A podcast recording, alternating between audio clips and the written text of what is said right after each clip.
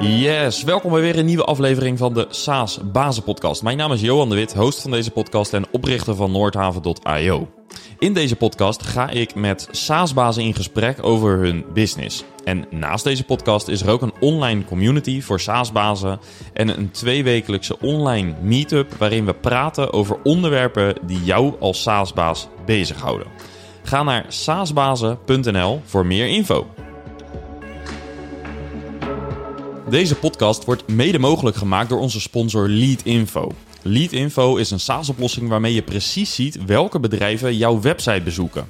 Zo kun je jouw salesteam eenvoudig leads laten opvolgen en dankzij slimme notificaties die je zelf kunt instellen, is Leadinfo een steeds belangrijker onderdeel van de marketing en sales stack van veel B2B SaaS bedrijven. Ga naar leadinfo.com/saasbazen voor meer informatie. We gaan het vandaag hebben over het recruiten van salesmensen voor een SaaS-business. En over het schalen van je salesteam. Ik doe dat met Magiel Kunst en Adriaan ten Bos van No Cure No Pay. Het schalen van een salesteam vind ik een mega interessant onderwerp, want voor veel SaaS scale-ups met één of twee salesmensen is het opschalen van zo'n salesteam vaak een hoge prioriteit. Maar recruitment, ja, het beeld dat ik heb van recruiters is niet altijd even positief. En naast een aantal positieve ervaringen, denk ik vooral uh, aan recruiters die hun huiswerk niet altijd even goed doen. Kunnen Magiel en Adriaan met deze aflevering iets anders laten zien? Ik ben benieuwd. Let's go! Ja, Magiel, Adriaan, welkom in de SaaS Basis Podcast. Thanks.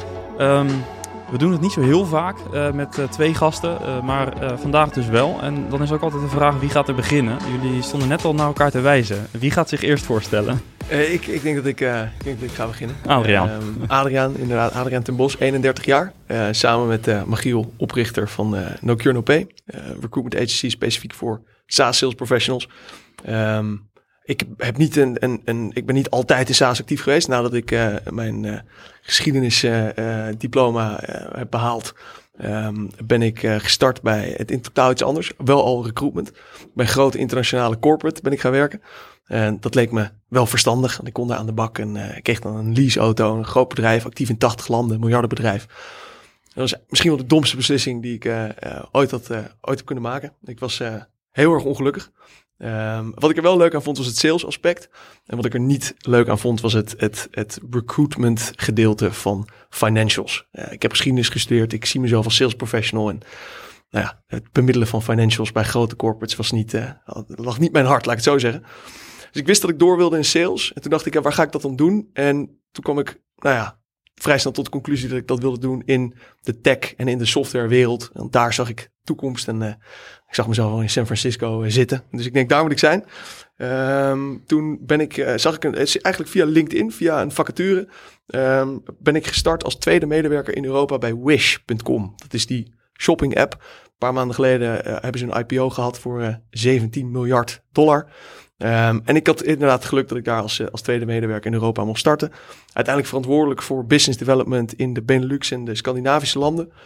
En na bijna twee jaar um, daar ook weer weggegaan. Amerikaans bedrijf heeft heel veel voordelen, heeft ook nadelen. Wish werd ook steeds groter. Um, en toch wel het start en scale-up, uh, die omgeving had mijn, mijn hart gegrepen. Bij Wish startte ik zonder CRM, kreeg gewoon een telefoon en een computer en zoek het zelf maar uit en kom er met een plan. Dat vond ik een heel erg gave fase. Na twee jaar was dat echt anders. Ik was heel veel van mijn tijd bezig met schakelen met mensen op het hoofdkantoor in San Francisco over compliance gerelateerde vraagstukken met betrekking tot e-commerce. En op een gegeven moment dacht ik, wat, volgens mij moet ik je weg. Um, toen ben ik om me heen gaan kijken. En uh, eigenlijk is dat een, best wel een beslissend moment in mijn leven geweest. Um, en een bevestiging van een toch wel een cliché, namelijk ja, trust your gut feel. Um, ik had een aantal opties. Ik zat uh, in de laatste ronde bij Uber. Maar dat is ook best wel een grote corporate. Dus diep van binnen wist ik dat ik dat niet moest doen. En ik kon sales manager worden bij een veel kleinere start-up in Amsterdam. Uh, en ik dacht eigenlijk dat ik dat wilde doen. Maar ik had nog één sollicitatiegesprek staan. Um, bij Uber dus? Nee, bij, bij een ander bedrijf, bij Fastspring. Oké. Okay. Uh, een SaaS-bedrijf in Amsterdam. Uh, uit, uit Californië, hoofdkantoor in Santa Barbara en een saleskantoor in, in Amsterdam. En ik dacht, ik ga uit formaliteit nog even die sollicitatie doen. Ik ga er toch niet werken, maar wel zo beleefd. Uh, ik ga het gesprek niet de dag van tevoren afzeggen. En dat gesprek was met Magiel, die nu naast me staat. Ehm, en eigenlijk na tien minuten in dat gesprek, het ging helemaal niet over fastspringen of over werk of wat dan ook. We hadden het over heel andere dingen. En aan het eind van dat gesprek dacht ik, shit, ik, ik denk dat ik daar ga werken. Nou, toen moest ik natuurlijk nog wel die sollicitatieprocedure door. Uh, en uiteindelijk heb ik de keuze gemaakt om inderdaad daar te gaan werken. Keuze voor een groot gedeelte gebaseerd op Magiel als persoon. Um, dus ook een voorbeeld van, weet je, kijk niet alleen naar product, bedrijf, maar ook voor wie ga je werken, met wie ga je werken. En dat is een hele goede beslissing geweest. Want uh, Magiel en ik hebben bij Fastspring geweldig samengewerkt. En uh, hebben inmiddels uh, anderhalf jaar ongeveer een, een bedrijf waar we met super veel plezier heel hard werken en mooie dingen doen. Ja, en dan wil ik het natuurlijk niet awkward maken, maar wat sprak je dan uh, zo aan in het gesprek? Waar hadden jullie het dan over? het is voor de luisteraars lastig, maar ik bedoel, look at him. Oké, oké. Ehm, Magiel is iemand die op best wel, nou, dat moet ik zelf maar vertellen, maar hij, we zijn precies dezelfde leeftijd. Ik geloof dat ik een halfjaartje ouder ben, maar um, hij heeft jonge op, op, jonge leeftijd best wel serieuze stappen al gezet. Um, en de ambitie en de, de drive spatten er vanaf. Dus het maakte voor mij op een gegeven moment tijdens de sollicitatieprocedure niet meer echt uit dat hij nou, of het nou een fastspring ging of niet. Wij spreken, als hij bij een, een, een slagersketen had gewerkt en hij had mij erbij willen hebben, dan had ik misschien op hem nog wel ingechipt. Uh, dat bleek een SaaS-bedrijf uit, uh, uit Californië te zijn, dus dat was mooi meegenomen. Maar um, ik wist, deze jongen die gaat bereiken, um, die gaat het maximale uit zichzelf halen. Enorme potentie en drive. En dus ook uit jou, dat daar En ook uit mij, precies. Um, het was duidelijk dat hij een enorme werkethiek heeft, die ik zelf ook heb. Um, ja, ik dacht, samen met hem kan ik echt iets gaafs gaan doen. Ja, nou, dat is een hele mooie introductie. En daarmee uh, kunnen we eigenlijk kijken naar de inhoud. Want ja, wat ga je hier nog over zeggen, zou je bijna zeggen. Nee hoor, geintje. Uh, Michiel, misschien kun jij ook jouw uh, verhaal zo boeiend schetsen. want nu weten we in ieder geval dat je bij Fastspring hebt gewerkt. Um, en ook dat je daar nou, kennelijk heel ja, uh, aantrekkelijk uh, was voor de, in ieder geval de, de kandidaten die je daar sprak. Um, maar misschien is het goed om dan even terug te gaan naar wat jij dan daarvoor deed. Uh, de ja. stappen die jullie beschrijft. Ja, helemaal goed. En ik zal het proberen iets te nuanceren, want ik word hier heel erg humble van, van al die mooie dingen die Adriaan zegt. Um, ik ben mijn carrière begonnen ongeveer elf jaar geleden. Toen studeerde ik nog rechten. Maar mijn broer die werkte als account executive bij een Canadese uh, start-up, scale-up. Deden 3, 4 miljoen in omzet. En mijn broer die was first man on the ground in, uh, in Europa, in Nederland. En die uh, zei, ik heb iemand nodig die wat koude belletjes voor me doet. En ik zei, ja, dat kan ik wel. Ik als jong, grote mond, uh, weinige wereldkennis. ik zei, ja, dat kan ik wel. En daar ben ik toen aan de slag gegaan. Lange tijd niet in Nederland durf te bellen, want ik dacht, ja, ik snap helemaal niet zo goed wat het product doet. Best wel complex IT-product. Maar dat ging eigenlijk best wel goed. Wat en, was voor product? Het was een remote monitoring en management platform voor IT-dienstverleners. Oké, okay. ja. een soort uh, SolarWinds-achtig uh, Dat is het uh, bedrijf. Oh, ja. dat is ook, ja. oké. Okay. dat heb ik niet bekeken trouwens, maar ik kom uit de IT-wereld, dus ik ken SolarWinds, Enable, dat soort ja, ja, ja. tools. Nee, dat heette destijds Enable Technologies en dat was destijds nog een bedrijfje met 80 man, deden 3, 4 miljoen in omzet. Ik begon daar als Sales Development Representative. Ik studeerde nog rechten. En uh, dat heb ik een aantal jaar gedaan. op een gegeven moment had ik mijn uh, bachelor rechten afgerond. En toen dacht ik, oké, okay, ik kan nu mijn master gaan doen en die wereld in. Of ik kan dit als leverage gebruiken bij de sales director in de US om te zeggen van, hey, um, ik kan nu of uh, mijn master gaan doen, of ik wil wel bij het bedrijf blijven en dan fulltime, maar dan wil ik een senior functie. Ja. Nou, dat heb ik er goed onderhandeld en een mooie functie gekregen, dat uiteindelijk gedaan. Um, aan de slag gaan als account manager, upsells en cross-sell bij klanten dat is hartstikke goed gegaan. Na een jaar een promotie gekregen naar account executive. Um, dat is ook heel erg goed gegaan. En toen de promotie naar sales management op vrij jonge leeftijd. Nou, hier zit een stukje nuance in, want um, de periode dat ik bij Enable Technologies zat, groeiden we binnen een paar jaar van 3, 4 miljoen naar 6 miljoen. Toen kregen we een investering van Axel KKR. Die bracht ons van 6 naar 20 miljoen. Toen werden we overgenomen door SolarWinds voor 120 miljoen.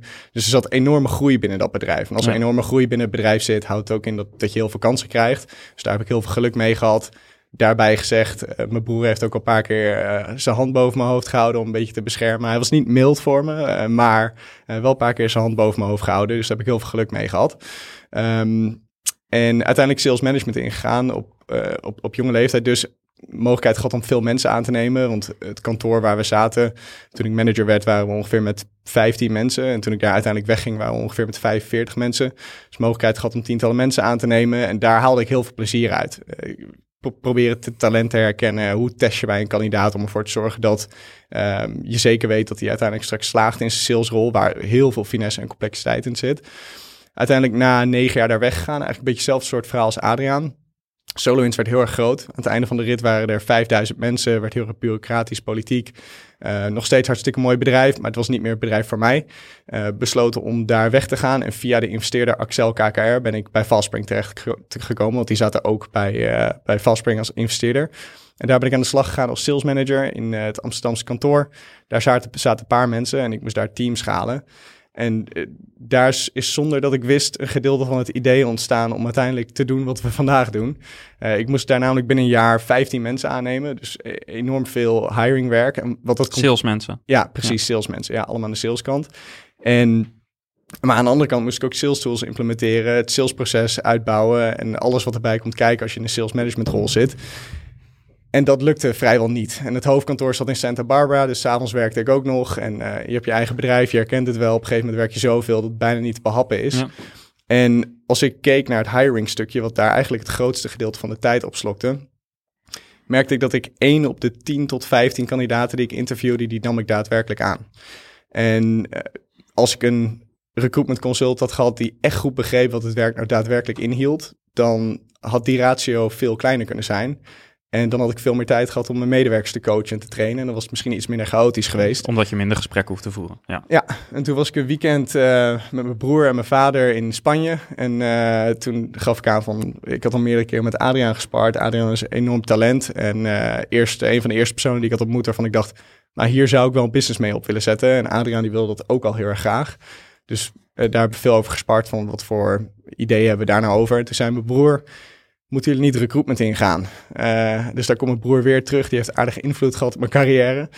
En toen dacht ik, jeetje, misschien is dat het wel. En toen belde ik Adriaan vanaf het vliegveld. Zei ik, waar ik nou nou echt enorme waarde leveren voor uh, bedrijven. Gewoon direct, eh, zonder heel veel opzetkosten en dergelijke. Toen zei ja, dat recruitment. En daar waren we beide over eens.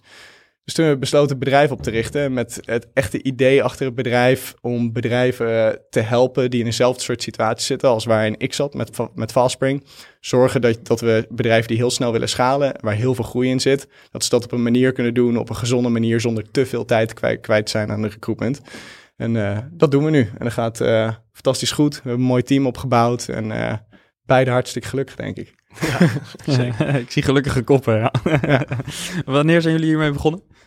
Um, we zijn live gegaan in januari 2020. En uh, natuurlijk, de, de, je, de maanden daarvoor heb, je het idee al wel. Um, ja, dan ben je bezig met inschrijven, een website. Uh, maar echt live, dat we op LinkedIn onze status veranderden, was, uh, ik geloof, dinsdag 2 januari 2020. Ja, en toen had je heel snel daarna COVID. Heeft dat nog impact gehad op positieve of negatieve manier? Ja, ja heel erg. Um, we hadden januari ben je natuurlijk aan het opstarten. Dus ja, je, je, je doet eigenlijk maar wat. Even uh, plat geslagen uh, de eerste maand. De tweede maand ging supergoed. We hadden natuurlijk, we hebben een netwerk in de softwarewereld. Dus we hadden al vrij snel ook wel klanten, opdrachten en ook, ook plaatsingen. Um, dus dat ging eigenlijk eind februari zag het er allemaal heel rooskleurig uit. En uh, oprecht toen al aan het nadenken over het aannemen van de eerste medewerker. Toen kwamen er ineens berichten over een Chinese griep. En dan denk je eerst nog van, nou, dat, weet je, dat zal allemaal wel meevallen. En, en drie weken later is bij al je klanten een totale hiring freeze. Niemand doet meer de sollicitatiegesprekken, uh, helemaal niet op locatie, kantoren dicht. Um, new business development kan je vergeten. Dat zullen een hele hoop van je luisteraars sowieso wel herkennen van die tijd. Um, ja, onze, onze prospects en ook onze klanten, weet je, recruitment is echt onderaan de lijst. Ja, en überhaupt was niemand bereikbaar voor zo ongeveer welke boodschap dan ook. Ja, nou, een mobiele telefoon en namen ze dan, uh, namen ze dan nog wel op. Maar hmm. um, ja, nee, met recruitment, het was bijna een belediging om daarover te beginnen. Ja. Um, dus weet je, dit was al vrij snel dat we dachten, shit, dit is echt, uh, hoe lang gaat dit duren? En um, uh, daar hebben we een enorme impact van gevoeld, maart en in april. Verrassend genoeg, veel sneller dan wij eigenlijk allebei dachten, krabbelde dat ook wel weer op. Um, onze klanten zijn allemaal, uh, zelfs ja, allemaal software- en techbedrijven die daar uiteindelijk minimale impact van voelden. Dus het was even die knee-jerk reaction van iedereen. Oh, er is paniek, dus hiring freeze en even kijken wat er gebeurt. Ja. Nou ja, en, en uiteindelijk komen ze tot de conclusie dat ze ook remote hartstikke hard doorgroeien, omdat er vraag blijft naar hun product.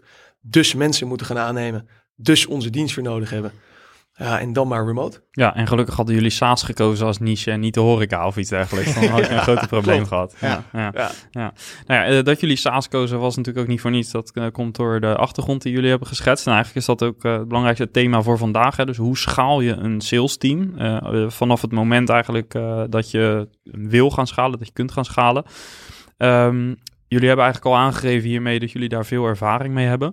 En ehm, ja, laat dat ook eh, meteen het bruggetje zijn dus naar vandaag. Jullie doen dit nu voor SaaS-bedrijven. Ehm, als we gaan kijken naar dat eh, proces van het, het schalen van een sales team, misschien moeten we nog een klein stapje daarvoor beginnen. Dus eerst eh, moet je een eerste sales team opzetten. En zeker voor de luisteraars die misschien echt in de hele vroege fase zitten, die misschien nog geen sales hebben, waar de founder nog aan het verkopen is. Ehm, hoe zien die eerste stapjes eruit? Jullie hebben beide gepioneerd. Hè? Eh, pak de telefoon maar, geen CRM. Ehm, kun je koud bellen? Ja, eh, kan ik wel. Dus jullie hebben dat beide gedaan.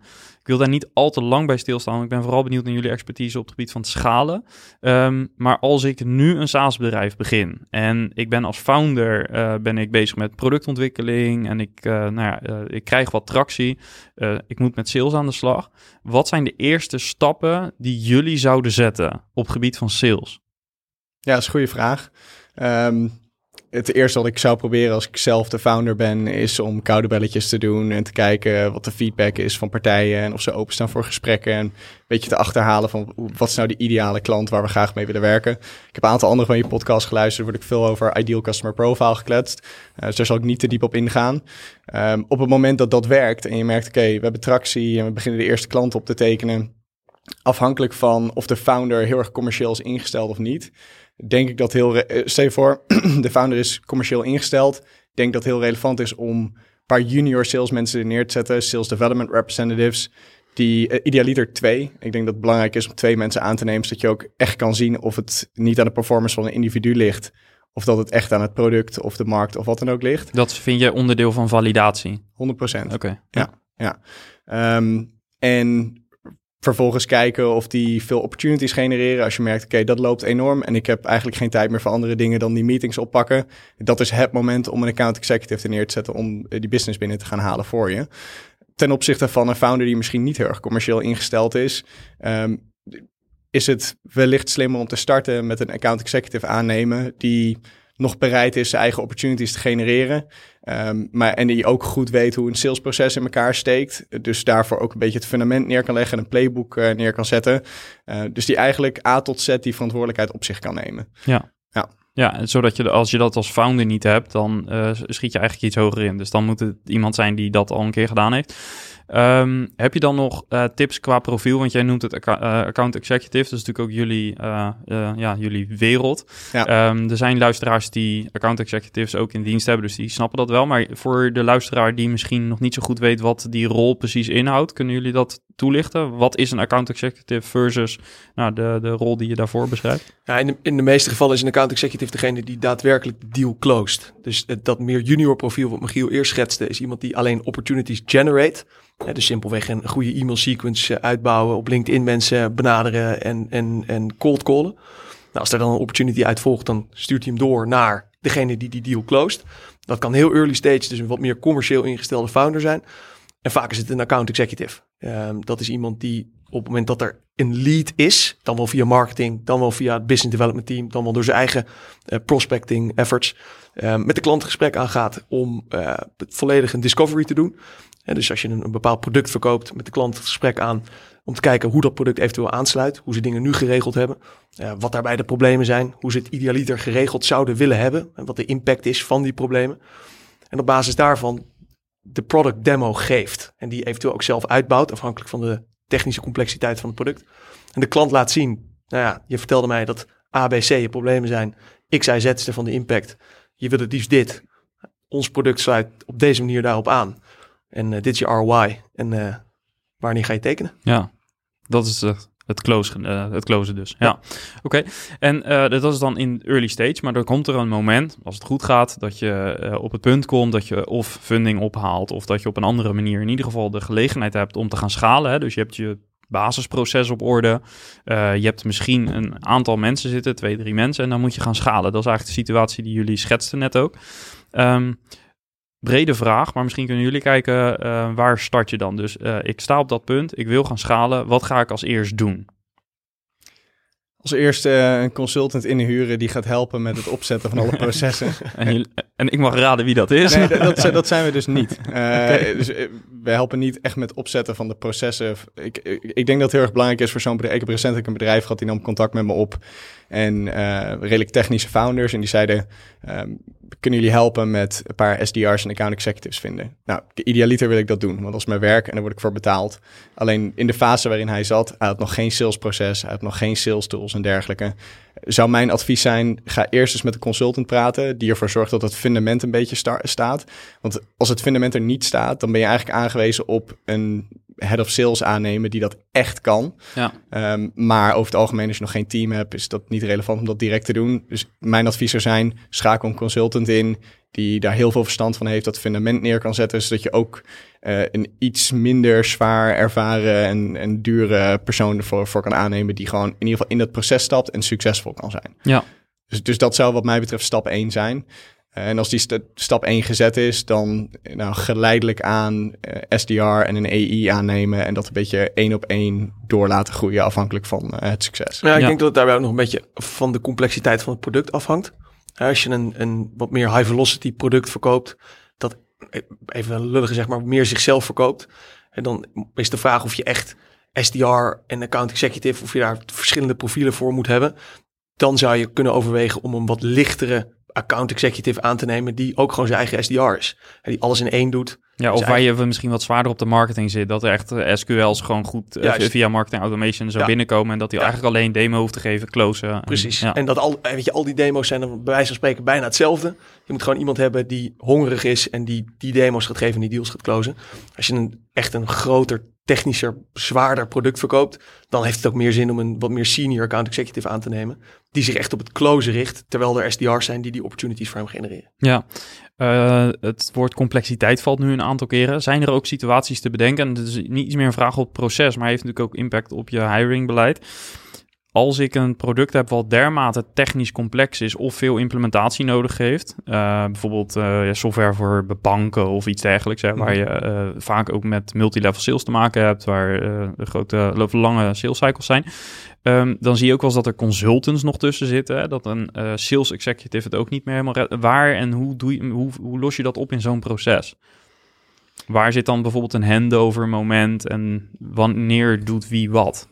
Dat is een goede vraag. Ik denk dat um, een sales engineer hand in hand werkt met een account executive. Dus uh, een groot deel van mijn succes als account executive, om dat ook nog maar eventjes te benoemen, dat dat niet alleen uh, is omdat ik goed ben in sales, maar ik had een uitstekende sales engineer die uh, zeker 50% van het werk deed in die sales cycles.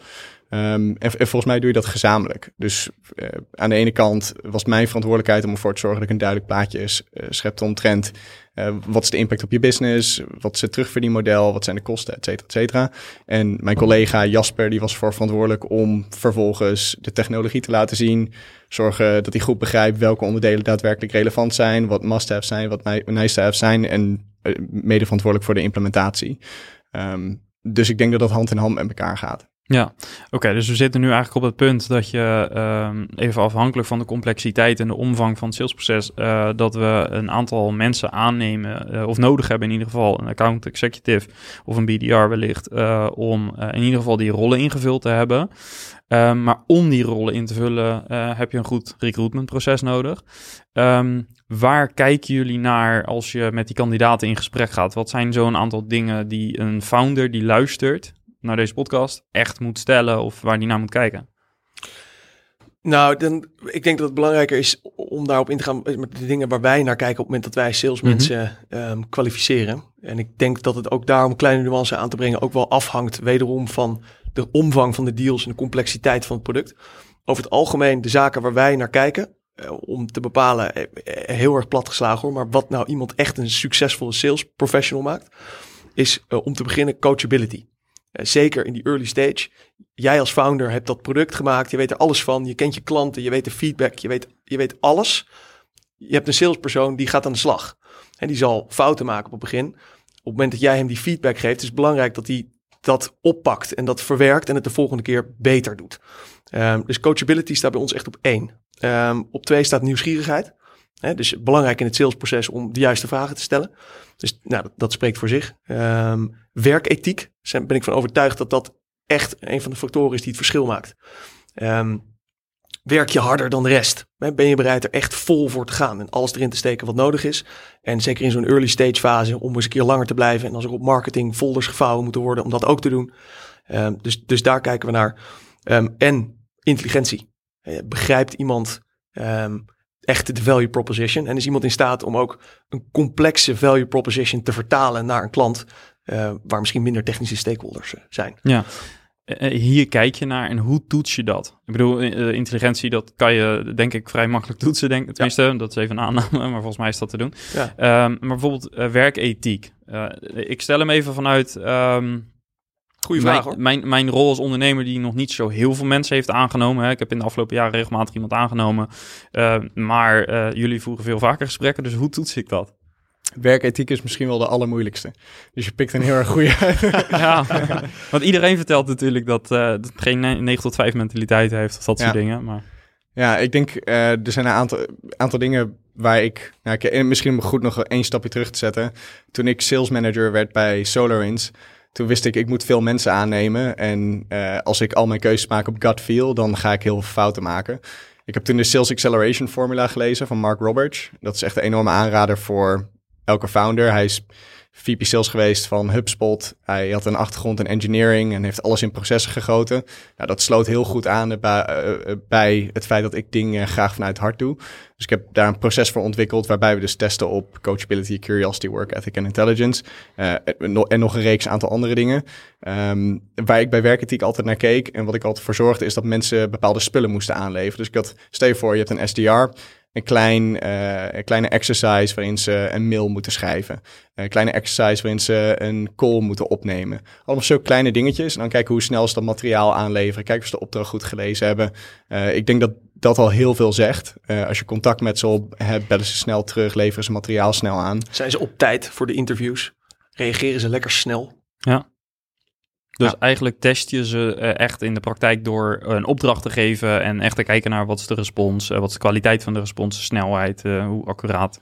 Ja. En ga zo maar door. Ja. En, en die vier karakteristieken die Adrien net benoemde, dat zijn de vier karakteristieken waarvan wij denken, dit is ook in overleg gegaan met heel veel andere sales leaders, van wat maakt in de kern nou een goed salespersoon? Ja. En deze dingetjes die zijn nog aardig te testen. Daarna wordt het echt complex. Dus als je wil kijken naar, heeft iemand het juiste salesprofiel? Dus stel je voor, je verkoopt een disruptief, disruptief platform uh, met hoge complexiteit, wat enorme impact heeft op een organisatie. Hoe vind je dan een persoon die ook daadwerkelijk bereid is om de klant uit zijn comfortzone te duwen en om het hoekje te kijken naar wat er in de toekomst gaat gebeuren, uitleggen dat als ze hun business blijven doen op de manier waarop ze het nu doen, dat ze dan in de toekomst niet meer kunnen concurreren. Uh, daar zit heel veel finesse en complexiteit in, wat altijd bij de sales director neerkomt te liggen om zulke soort dingen te testen. En dat, dat is hetgene wat het zo moeilijk maakt om succesvol snel mensen aan te nemen, omdat daar heel veel tijd in gaat zitten. Ja. En dat, dat is waar onze kracht ligt. We hebben zelf het werk gedaan, dus dat halen we uit handen van onze klanten. Ja. Um, wat zijn echt uh, absolute showstoppers uh, als het gaat om uh, ontdekkingen die je doet tijdens de eerste gesprekken? Kijk, ik kan me er een aantal voorstellen te laat komen en uh, noem het allemaal op. Maar zijn er echt een aantal zaken van je zegt, daar moet je heel scherp op zijn. Want dat zijn dingen waar je misschien als uh, ondernemer of als beginnend recruiter niet aan denkt. Die jullie wel in de afgelopen jaren hebben gemerkt. Dat, dat, dat uh, zo'n kandidaat je misschien wel op het verkeerde been kan zetten door goed te scoren op deze onderdelen. Maar dat er misschien wel ergens een rode vlag zit in de karakter of in de houding van een sales rep die misschien niet echt aan het oppervlakte ligt. Nou, moment dat je zegt showstopper zijn twee dingen die mij te binnen schoten. Misschien dat jij nog iets uh, toe te voegen hebt, maar het verbaast me dat er toch nog steeds mensen zijn die iemand aannemen zonder een reference check. Dus dat zou ik echt altijd doen. Om te kijken, uh, is een kandidaat eerlijk geweest over wat hij vertelde? Um, en ik zou zeker op het gebied van sales hiring altijd een rollenspel doen. He, dus een kandidaat, een saleskandidaat, kan zich over het algemeen heel erg goed presenteren. Ja. En misschien een wat meer technische founder zal, even lullig gezegd, maar daar misschien intrappen of in elk geval eerder gevoelig voor zijn. En hoe je dat allemaal kunt uh, voorkomen, is door een rollenspel met die kandidaten te doen. En dat ook duidelijk vanuit je eigen business voor te, een case voor te bereiden. Je al je kandidaten kunt voorleggen. Gewoon te kijken hoe performt iemand nou? Hoe doet iemand nou zo'n cold call in een rollenspel? Hoe doet iemand een value proposition in een rollenspel? En waar let je dan op? Ik stel misschien de beginnersvragen uh, voor jullie gevoel, hè, omdat uh, dit zijn dingen die jullie heel erg in de vingers hebben. Maar ik ben ook echt op zoek naar uh, hele actionable adviezen voor de, die founder die nu luistert en denkt van ja, dit, hier, hier moet ik iets mee.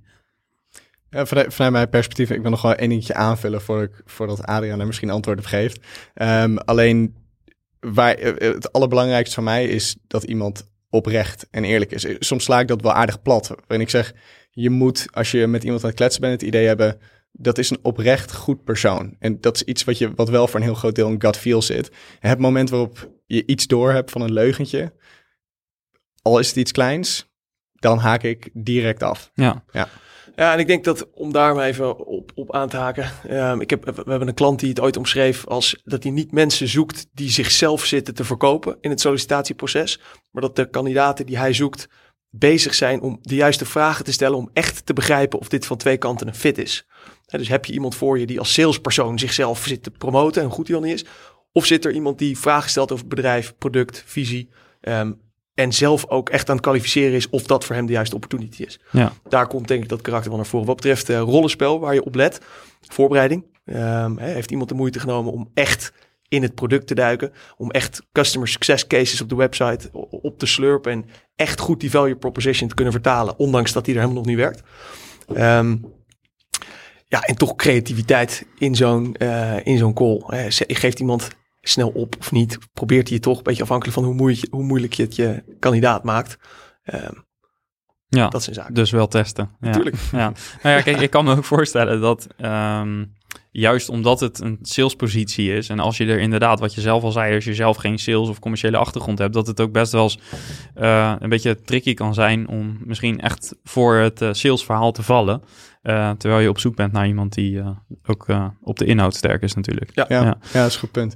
Je ziet dat heel veel mensen denken dat sales draait om heel sterk kunnen pitchen en daar gaat het echt niet om. Echt, absoluut niet. een klein onderdeel van de sales cycle is dat je op een gegeven moment pitch wat product inhoudt. Maar het allerbelangrijkste is goede vragen stellen, kwalificeren, luisteren, luisteren, luisteren, nog wat vragen stellen. Ja, en dat zijn gelukkig dingen die je goed kunt meten in het gesprek. Zeker. Ja. Klopt, ja. En op welke manier uh, zetten jullie nog tools in? Want je gaf aan, uh, je doet een deel dus op gut feeling, maar uh, er zitten ook een aantal zaken in die je misschien automatiseert met processen of assessments, dat soort dingen. Wat zijn een beetje daar jullie, wat is jullie visie daarop? Wij gebruiken dat zelf niet. Uh, we hebben wel een aantal klanten die uh, een beetje afhankelijk wederom van de complexiteit van het product. We hebben klanten die, die verkopen een enorm complex product en die doen daarvoor een cognitieve test. Um, cultuurtesten zie je steeds meer. Daar ben ik best wel big believer in dat dat goed is om te doen met kandidaten.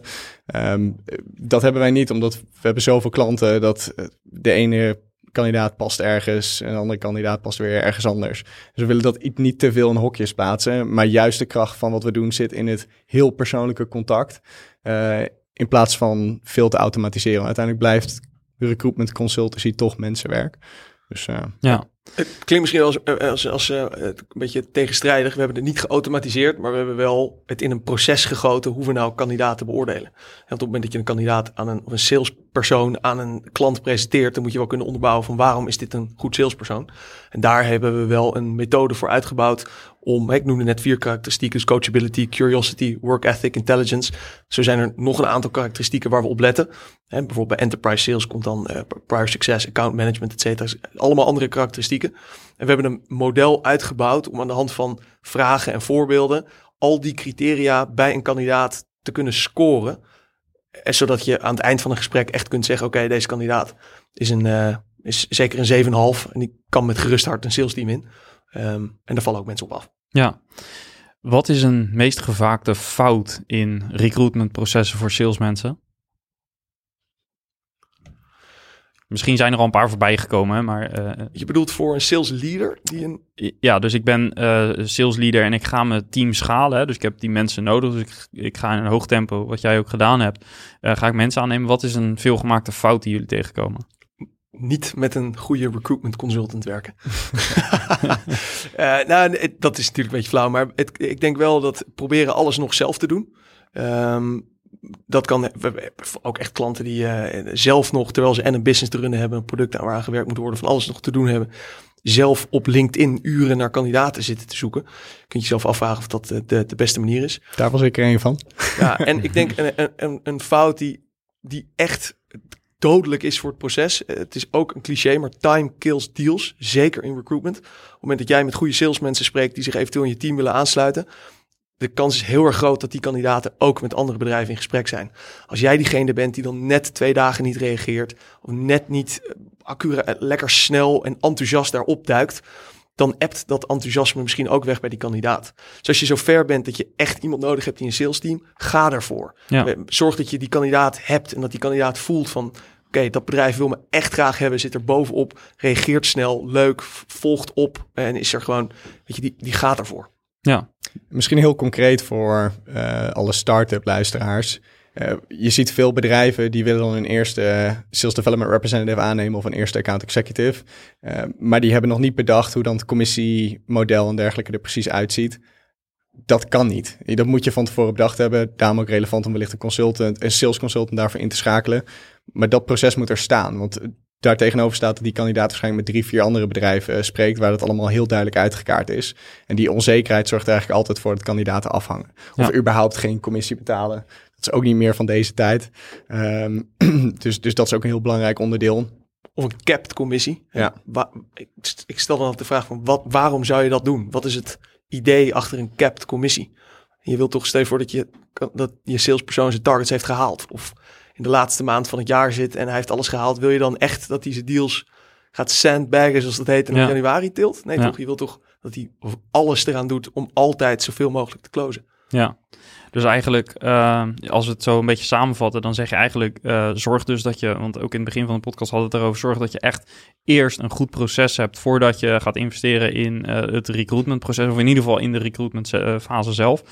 Um, en nou ja, de karakteristieken die daarbij horen, dat, dat, die hebben we behandeld. Um, we zouden een beetje op de tijd letten, uh, want we kunnen hier heel lang over praten, denk ik. Maar uh, we proberen het ook uh, enigszins overzichtelijk te houden. Um, waar ik wel benieuwd nog naar ben, is wat jullie persoonlijk drijft. er spat veel energie af, dat is duidelijk. de luisteraar kan het niet zien, maar denk wel horen. Um, maar om bij jou te beginnen, achtergrond in geschiedenis, geef je aan. Ja. Je hebt wat gewerkt bij grote corporates.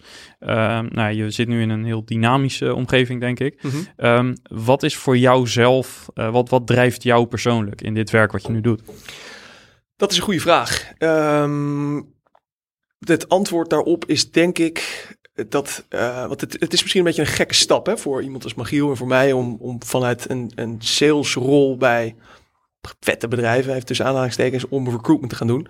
Recruitment heeft best wel een slechte naam.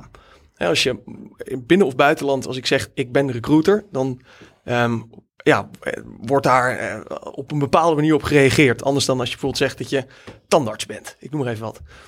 Vind ik ook niet heel leuk trouwens hoor. onze, uh, onze, in ieder geval als ik even voor mezelf spreek. Waarom ik dit ben gaan doen, is omdat ik die recruitmentmarkt echt wilde veranderen. Toen ik account executive was, ik kreeg dagelijks berichten van recruiters waar ik nooit op reageerde. Uh, generieke berichten, duidelijk dat alleen mijn voornaam erin stond als ze die al goed hadden geschreven. Ik reageerde er nooit op en als ik dat wel deed, uh, was het vaak een tegenvaller. Wij hebben echt achtergrond. Wij hebben zowel in de schoenen van onze kandidaten als in de schoenen van onze opdrachtgevers gestaan. En daarmee veranderen we die markt echt, omdat we daadwerkelijk kwaliteit leveren. Uh, onze kandidaten en, en klanten hoeven van ons geen bullshit te verwachten. En je merkt dat dat werkt. En ja, daar word ik elke dag wel heel erg enthousiast van. Ja, dus je wil eigenlijk een beetje het imago van de recruiter oppoetsen. Klopt. En hoe lukt dat? Heel goed. Ja, ben je er tevreden over zelf? Ja, zeker. Ja. Want uh, waar merk je dat nu bijvoorbeeld aan in de markt? Waar zou ik het aan kunnen merken? Nou, ik kan je, uh, we hebben, Magiel heeft wel eens een keer een LinkedIn-post gedaan met een aantal voorbeelden van reacties die we echt op dagelijkse basis krijgen van kandidaten met wie we schakelen. Um, het is voor heel veel van die kandidaten vaak, dat geeft ze ook eerlijk toe, een een noodzaak om soms het gesprek met de recruiter even door de zure appel heen en dan met het bedrijf aan de slag. Maar met ons is dat anders. Weet je, wij hebben echt hun werk gedaan, begrijpen echt wat ze drijft, kunnen ze goed advies geven. Dat geldt natuurlijk ook voor die klanten. Dus op dagelijkse basis krijgen we reacties die waanzinnig positief zijn. Zodanig dat we er dus een keer een LinkedIn-post over hebben gedaan. Heel cool. Om een heel klein beetje daarover op te scheppen. Ik denk dat het grote testament daar is dat uh, we sinds juli geen business development meer doen. Dus sinds juli zijn alle klanten die kloppen bij ons aan. Uh, en we zijn ondertussen de preferred recruitment supplier van een paar van de allergrootste venture capital firms ter wereld. Ik denk dat het allergrootste testament is dat we echt uh, dat aan het veranderen zijn. Ja. Um, sowieso is het leuk, denk ik, om uh, als jullie daarvoor openstaan, om even te connecten op LinkedIn. Want jullie uh, posten inderdaad regelmatig iets over jullie proces. Jullie delen ook kennis uh, daarin. dus ik weet niet of jullie openstaan voor connectieverzoeken. Mag je wel. heb je goed gecounterd. Heel goed. nou ja, het is, ik volg je al een tijdje en het is toch interessant om zo nu en dan wat, wat kennisdeling te zien. En ook een succesverhaal.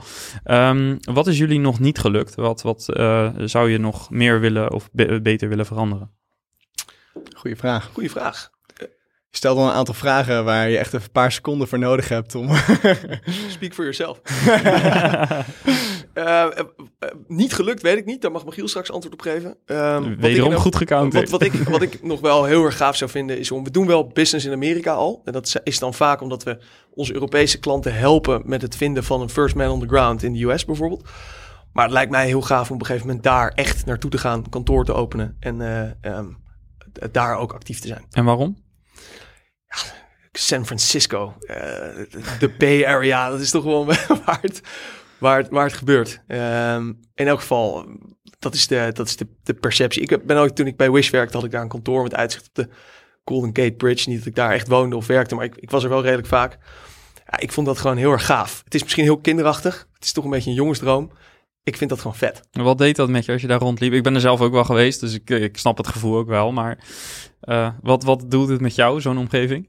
Nou ja, ik heb, ik heb geschiedenis gestudeerd en mensen vroegen altijd mij, wat ga je doen? Dan wil je dan leraar worden. Um, ja, en ineens zit je in een, op de 42e verdieping van uh, een gebouw in San Francisco om je heen te kijken en denk je, nou, heeft deze historicus toch in elk geval iets bereikt. uh, dus wat het met je doet, um, ja, je hebt het gevoel dat je gewoon bent waar het gebeurt. Ja. Uh, misschien ook nog vanuit mijn kant om antwoord te geven op je vraag. Wat is er niet gelukt? Um, ik zag je post laatst voorbij komen over dat je even wat lastigere tijd had, waarop je superveel mega mooie reacties kreeg. Uh, ik denk dat we in een moment zitten met onze business waar op alles klopt eventjes. Zowel bij ons beide persoonlijk als zakelijk gezien gaat het gewoon heel erg goed.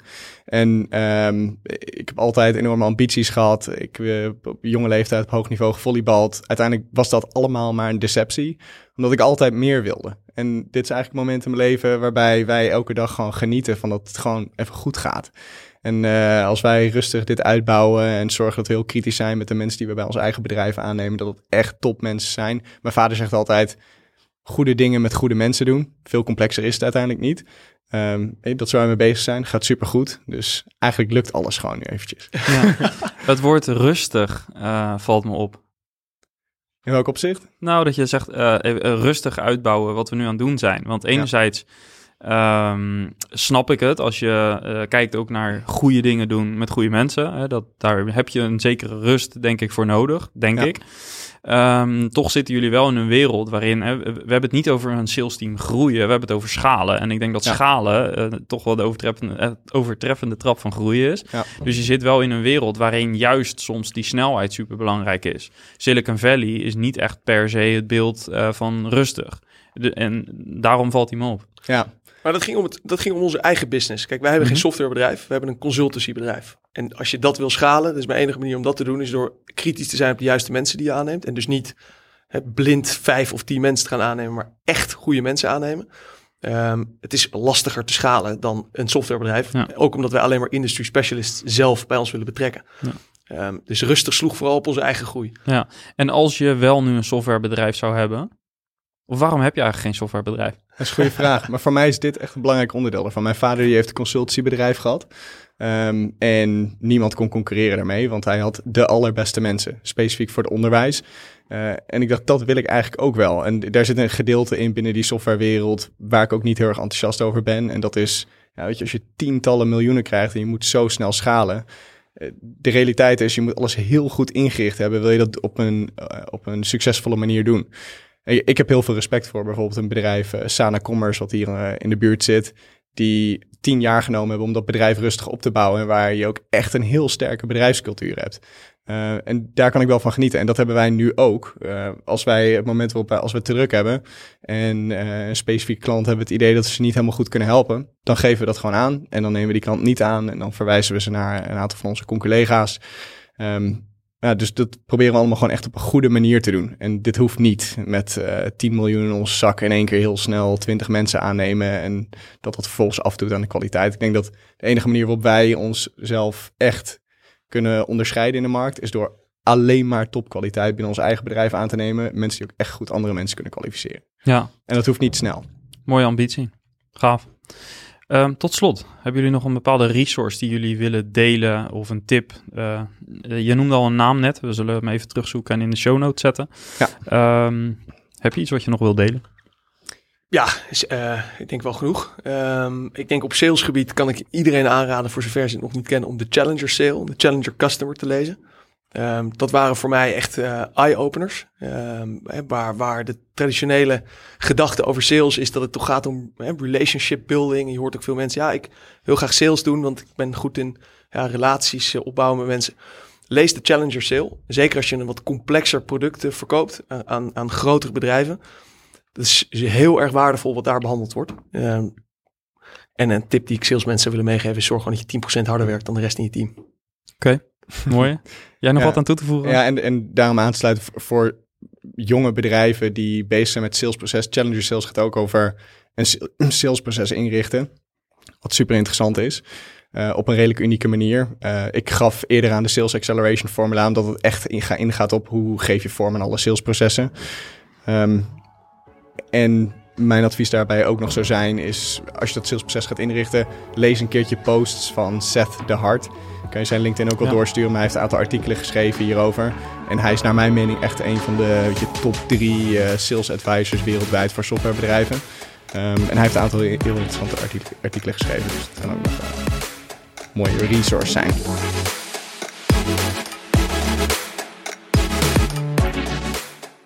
Yes, en ben je op zoek naar meer inspiratie? Schrijf je dan in voor de SaaS-bazen Meetup. En luister niet alleen naar het laatste SaaS-nieuws, maar krijg ook een inkijkje in case studies van andere SaaS-startups en scale-ups. En neem zelf ook actief deel aan het gesprek. Ga naar saasbazen.nl en klik op, op Meetup voor meer informatie. Bedankt weer voor het luisteren. Laat een review achter om ons te helpen om de podcast steeds beter te maken. En hopelijk tot volgende week. Bye bye.